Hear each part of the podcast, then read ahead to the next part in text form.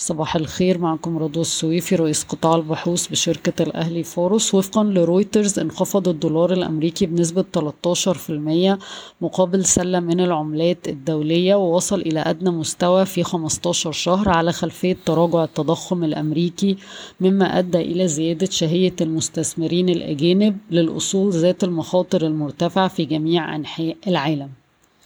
تراجعت تكلفة التأمين على الديون السيادية لمصر منذ إعلان الحكومة عن التقدم في برنامج الخصخصة لتسجل 12.9% للعقود الخمس سنوات مقابل 14.8% سابقا. ارتفعت استثمارات الأجانب في أذون الخزانة المصرية إلى 393 مليار جنيه بنهاية أبريل بزيادة 417 مليون دولار خلال الشهر. اتفق السيسي وأبي أحمد على محاولة التوصل لاتفاق في غضون أربعة أشهر لإنهاء نزاع سد النهضة نهائيا والتوصل إلى تسوية تسمح لإثيوبيا بتوليد الكهرباء دون تعرض أمن الأمن المائي لمصر لأي خطر. تخطط شركة ألستوم الفرنسية لصناعة السكك الحديدية لاستثمار 300 مليون يورو في مصر على مدى الثلاث سنوات المقبلة وسيقدم البنك الآسيوي للاستثمار في البنية التحتية تمويل 250 مليون يورو لإعادة تطوير خط سكة حديد أبو قير في اسكندرية.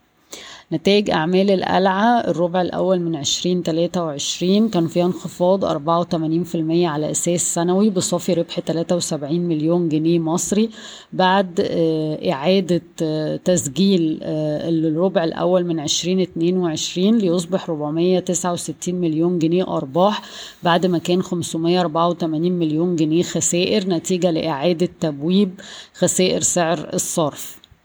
بالنسبة للإيرادات نمت 62% ل 30 مليار جنيه 77% منها كان جاي من الشركة المصرية للتكرير و10% من شركة طاقة. جدير بالذكر إن الشركة سجلت مكاسب سعر صرف 351 مليون جنيه مصري في الربع الأول من 2023 جاية من قطاع الأسمنت. السهم بيتم تداوله عند مضاعف اي في تو ابدا 2.6 من عشرة مرة. آه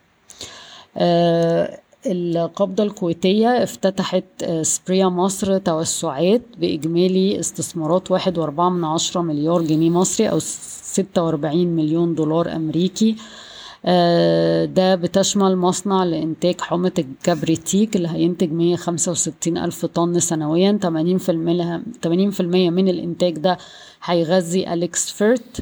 آه كما أضافت سبريا مصر آه ست خطوط إنتاج جديدة بما في ذلك آه خط إنتاج صفايح الفورمايكا طيب عندنا بس حاجة عايزين نقولها سريعا على EK Holding إن إحنا طبعا شايفين اللي بيحصل في سعر سهم طاقة وإزاي إن القيمة العادلة بتاعته 8 جنيه و90 قرش ومع ذلك السهم تعدى الرقم ده بنسبة كبيرة.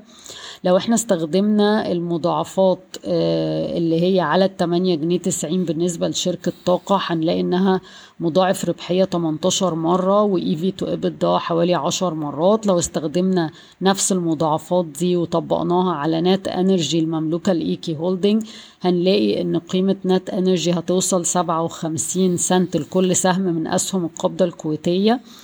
آه وده أعلى تقريبا بعشرين سنت من تقييم خصم التدفقات اللي إحنا عاملينه اللي هو بيدي ستة وتلاتين سنت. وبالتالي هتبقى قيمة آه قبضة الكويتية آه إجمالا.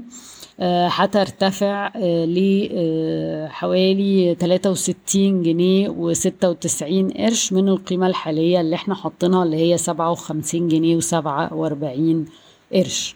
والسهم بيتم تداوله عند مضاعف ربحية ست مرات لعام عشرين تلاتة وعشرين و EV to EBITDA تلاتة وستة من عشرة مرة.